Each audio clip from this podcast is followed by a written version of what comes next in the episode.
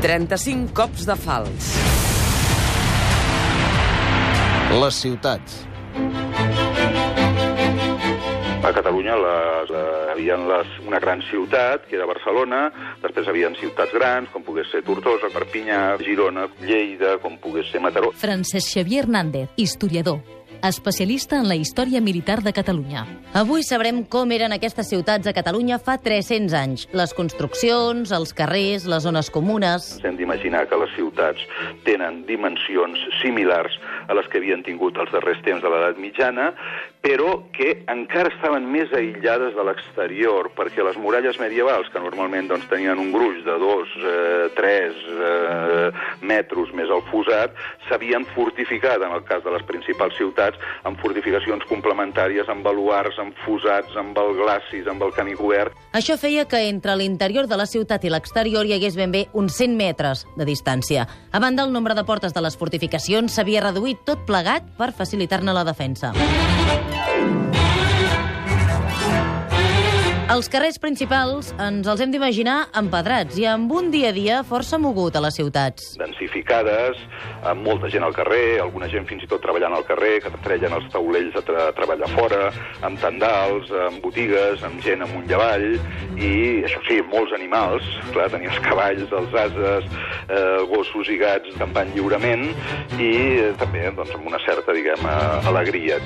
A principis del segle XVIII comencen algunes transformacions importants, la manera de viure a les cases. A l'època medieval, els nuclis de cada casa responen a un model artesanal i qui viu a la mateixa casa és l'artesà, la família i els aprenents.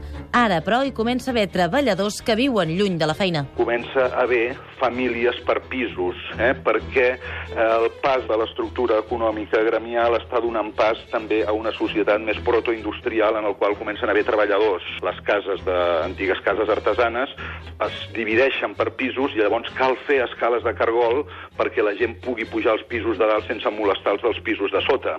Eh? És a dir, comença a haver una complexitat urbana important. Els carrers i els barris acostumaven a crear-se sota un reglament de construcció, però hi havia, evidentment, mancances. Les ciutats, diguem, eh, eren insalubres, eh? tots els serveis doncs, de, de neteja, d'evacuació d'aigües existien, però, en fi, eh, tenien dèficits importants. Moltes de les cases tenien pou per extreure'n aigua potable. Ara, això no era garantia de res. Veus en moltes cases on tens el pou a pocs metres de la fossa sèptica, fosses sèptiques que en alguns casos no tenien condicions d'estanqueïtat i que, per tant, eh, les aigües brutes podien contaminar perfectament les aigües a ús.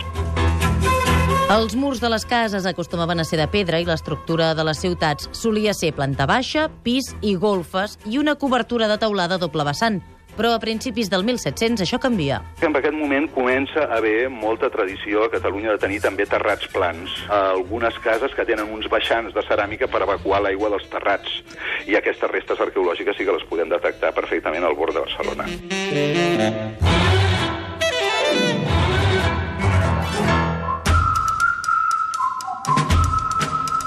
35 cops de fals. Laia Claret i Clara Jordan amb muntatge musical de Josep Plazas.